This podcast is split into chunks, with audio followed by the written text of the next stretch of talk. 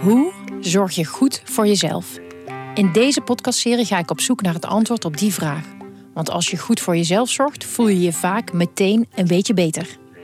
Ik ben Kim en in deze aflevering onderzoek ik iets waar we allemaal wel eens last van hebben. Deze week stressen en ontstressen. Hoe kom je van je stress af?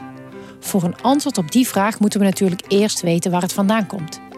Weet jij als luisteraar bijvoorbeeld waar je stress van krijgt en hoe dat voor jou voelt? Die vraag stelde ik aan een paar jonge mensen. Waar krijg jij stress van? Nou, als je dan bijvoorbeeld, bijvoorbeeld in de klas en je maakt je zorgen om een som, en dan zit je aan en dan lijkt het alsof je tafel steeds kleiner wordt en dat het steeds warmer wordt om je heen. Ja, dat vind ik stress. Dat je gewoon niet meer weet wat je moet en ja, dat is niet prettig. Ik, eh, ik, studeer zelf, dus af en toe heb ik daar natuurlijk stress over als ik een groot project heb die eraan komt en ik ben niet op tijd begonnen. Maar, uh... Ja, oeh, dat is een lastige. Maar ja, ik heb zeker wel eens last van stress. Uh, met, met de studie dan denk ik vooral. Als je weer veel achterloopt en je, er komt toch een tentamen aan. Je hoort het. Jonge mensen hebben daar ook of misschien juist last van. Maar hoe kom je er weer vanaf?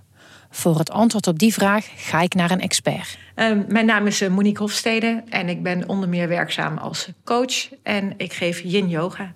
Ik begin met de vraag: wat is stress eigenlijk? Het is een lichamelijke reactie op een, ja, of op een geestelijke inspanning, maar het kan ook zijn op uh, iets wat je hoort of wat je leest. Maar het is altijd een lichamelijke reactie ergens op. Monique drukt me op het hart dat stress niet alleen maar slecht is. Stress is ook ergens goed voor. Het heeft een functie. Stress um, kan heel gezond zijn. Hè, maar dan gaat het om een, uh, dat je het kortdurend ervaart. stress is gezond als het je helpt. dus als je um, een, tot actie moet komen, omdat je um, dus moet presteren voor iets en het is kortdurend, dan is het heel goed om je wat gespannen te voelen. En, uh, want dat, die adrenaline die helpt je ook om eigenlijk wat beter te presteren. Nou, wat eigenlijk uh, adrenaline doet, is dat die zorgt dat je hart sneller gaat pompen en dat je spieren zich aanspannen. Um, en ook dat je focus ook beter wordt. Adrenaline is niet het enige wat aangemaakt wordt in je lijf. Monique vertelt me dat er naast de adrenaline ook cortisol vrijkomt. Die cortisol zorgt ervoor dat je voor langere tijd alert blijft. Um, maar als je dan ook nog die cortisol erbij neemt en die zorgt ervoor dat je steeds opnieuw die energie aanmaakt om dit ook te kunnen blijven ervaren, dan blijf je dus steeds op die focus houden en die scherpte en die spanning voelen. Ja, en dat, dat houdt je lichaam niet heel lang vol. Ik begrijp dat stress op zich niet slecht is. Alleen als het te lang duurt, dan krijg je er last van. Ik vraag me af of de meeste mensen ook zo stress ervaren. Daarom vroeg ik: hoe voelt stress voor jou? Het is gewoon de druk in je hoofd. Je kan, je kan niet ergens, snel ergens anders mee bezig zijn. Het blijft maar door je hoofd heen spoken. En, uh, ik, ik zit, zit, een beetje te denken aan dat iets soort van soort, soort jeukt. Je, je, wil, je wil iets doen wat eigenlijk helemaal niet kan. En dat, dat begint te jeuken of zo. Ja, ik weet niet. Ja, vaak als ik stress heb, um, wordt mijn hoofd rood. Uh, ik krijg het heet. Het voelt alsof je in één keer in een hele hete sauna zit. En dat hij niet koeler kan. En de, de, dat hij alleen koeler kan als je ontspant. En... Ja, dat zit de hele dag in je hoofd. Dan zit er een stemmetje achter in je hoofd. En die zegt, uh, je moet dit nog doen en je moet dat nog doen. Uh... Deze jonge mensen lijken stress allemaal te omschrijven als iets wat in je hoofd zit. Um, en dat is natuurlijk wel interessant. Want wij zijn uh, eigenlijk uh, zo langzamerhand wandelende hoofden geworden. Ja, we zijn alleen maar heel vol met ons hoofd en onze gedachten en alles. Terwijl, ja, we zijn... Um, één geheel met ons lichaam. En we zijn eigenlijk niet meer zo gewend om te luisteren naar de signalen van ons lijf. Wat Monique betreft zou dit de eerste stap moeten zijn naar ontstressen. Voelen dat je stress hebt. Hoe weet je dat je spanning voelt? Dat kan eigenlijk alleen maar door met regelmaat bij jezelf even te voelen van hoe gaat het nu met me? He, dus zit, zit mijn lijf vast? Ja, draai je weer eventjes je schouders los en je, uh, en je recht je rug. Nou, dat soort eh, interessante dingen om ook even te voelen, uh, letterlijk. Misschien wel je ogen even dicht doen en te voelen van wat voor emoties voel ik. In het verkeer voel ik dus regelmatig allerlei emoties, vertel ik Monique. Ja, voel je een boosheid of een frustratie? En dat kan dus ook zijn dat je dat in het verkeer uh, kan voelen. Inmiddels kan ik wel bedenken dat dit aan mezelf ligt en niet aan de andere weggebruikers. En als je dat uh, ervaart, dan kan je ademhaling direct eigenlijk invloed uitoefenen op die uh, spanning die je voelt. Ze vertelt me dat ik met mijn ademhaling direct die frustraties kan indammen. Ook legt ze uit hoe het komt dat je je dan direct meer ontspannen voelt. En hoe komt dat? Dat komt omdat uh, er loopt eigenlijk een zenuwbaan. Uh, dat is de nervus vagus. Dat is een zenuw die zorgt ervoor dat je eigenlijk je lichaam weer tot ontspanning komt. En die loopt vanuit je hersenstam, die loopt door je hele lichaam en die raakt alle organen aan en heeft daarmee dus ook invloed direct op, um, op herstel. En die kan je het beste beïnvloeden door je ademhaling. Dat is eigenlijk het makkelijkste instrument om meteen wat te doen. Adem. Maar um, telkens, telkens als je stress hebt, of als ik stress heb, dan vergeet ik dat dus. Want ik heb het ook wel een keer geprobeerd, maar toen voelde ik me nog niet helemaal beter. Als je dan in de stress schiet, heeft Monique wel wat ademhalingstechnieken die je op dat moment kunnen helpen. Ze heeft maar liefst drie ademhalingsoefeningen. Er zijn heel veel ademhalingstechnieken, eh, steeds meer bekend uh, en ook allemaal te vinden op internet. Dus dat is echt fantastisch. De meest gezonde ademhaling uh, die je eigenlijk zou kunnen hebben is ongeveer vier, vijf tellen in, vier, vijf tellen uit.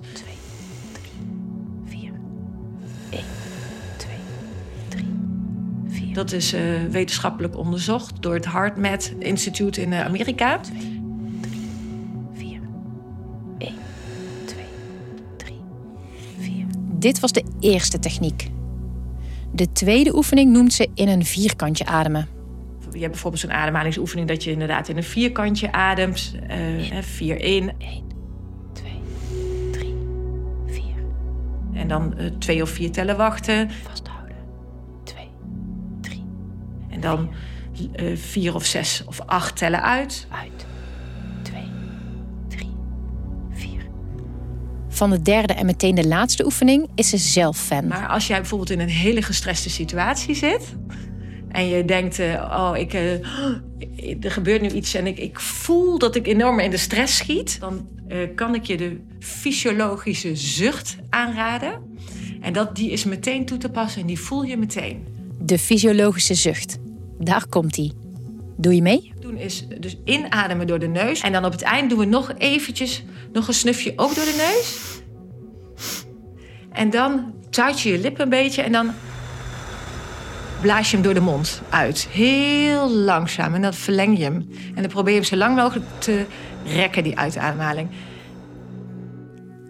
Stel dat je dit nu straks gaat proberen of je hebt zojuist meegeademd dan heeft Monique ook nog een advies over je ademhaling zelf. Kijk, zo'n ademhalingsoefening, dat is, die kan iedereen doen. Stel dat je even rustig gaat zitten en, en je richt je aandacht op je ademhaling. En dan volg je alleen maar je ademhaling.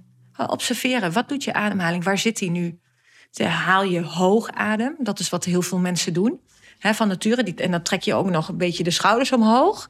Ja, en dan um, kan het heel goed zijn dat ja, dan gaat het ook wat vastzitten. Dus de kunst is eigenlijk om zoveel mogelijk vanuit je buik te ademen. Liefst nog door de neus als je dat kan. Ehm, dat is het meest gezonde. En op het moment dat je een buikademhaling hebt, dan ben je gezond aan het ademen. Oké, ik heb genoeg ademoefenstof om meteen wat aan mijn stresslevel te doen als ik het voel opkomen. Maar wat werkt er nu op de lange termijn en waarom hebben sommige mensen sneller last van stress en iemand anders die ik tegenkom niet? Ik ben zelf ook wel redelijk uh, stressbestendig. Misschien iets te af en toe. Als ik een groot project heb die eraan komt en ik ben niet op tijd begonnen. Maar... Dan helpt het natuurlijk om eens te kijken bijvoorbeeld naar time management.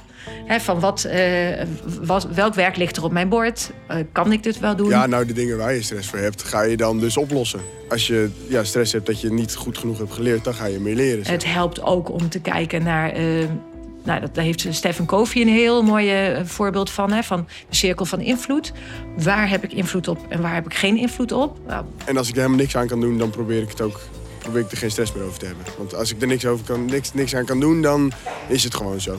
Dan moet ik het maar accepteren. Leren anders naar te kijken. Dus van waar heb ik invloed op, waar heb ik geen invloed op. Los van werk, huiswerk of school heeft Monique een aantal stressbevrijdende activiteiten waar je voor jezelf de leukste uit kunt kiezen. Zingen, werkt ook altijd heel erg stressbevrijdend. He, neurien, zingen, um, koud water dippen, um, lachen, knuffelen, um, masseren. Of tenminste, dit zijn uh, activiteiten waarbij het hormoon wordt aangemaakt, het knuffelhormoon. het gelukshormoon, hè, oxytocine bijvoorbeeld. En dat maakt dat je gewoon minder stress ervaart. Ehm, dus dat zijn, als je daar bewust van bent, kan je ook zorgen dat je dit soort activiteiten gewoon vaker inplant. Dat zijn nou een paar mooie afsluitende tips, dacht ik zo.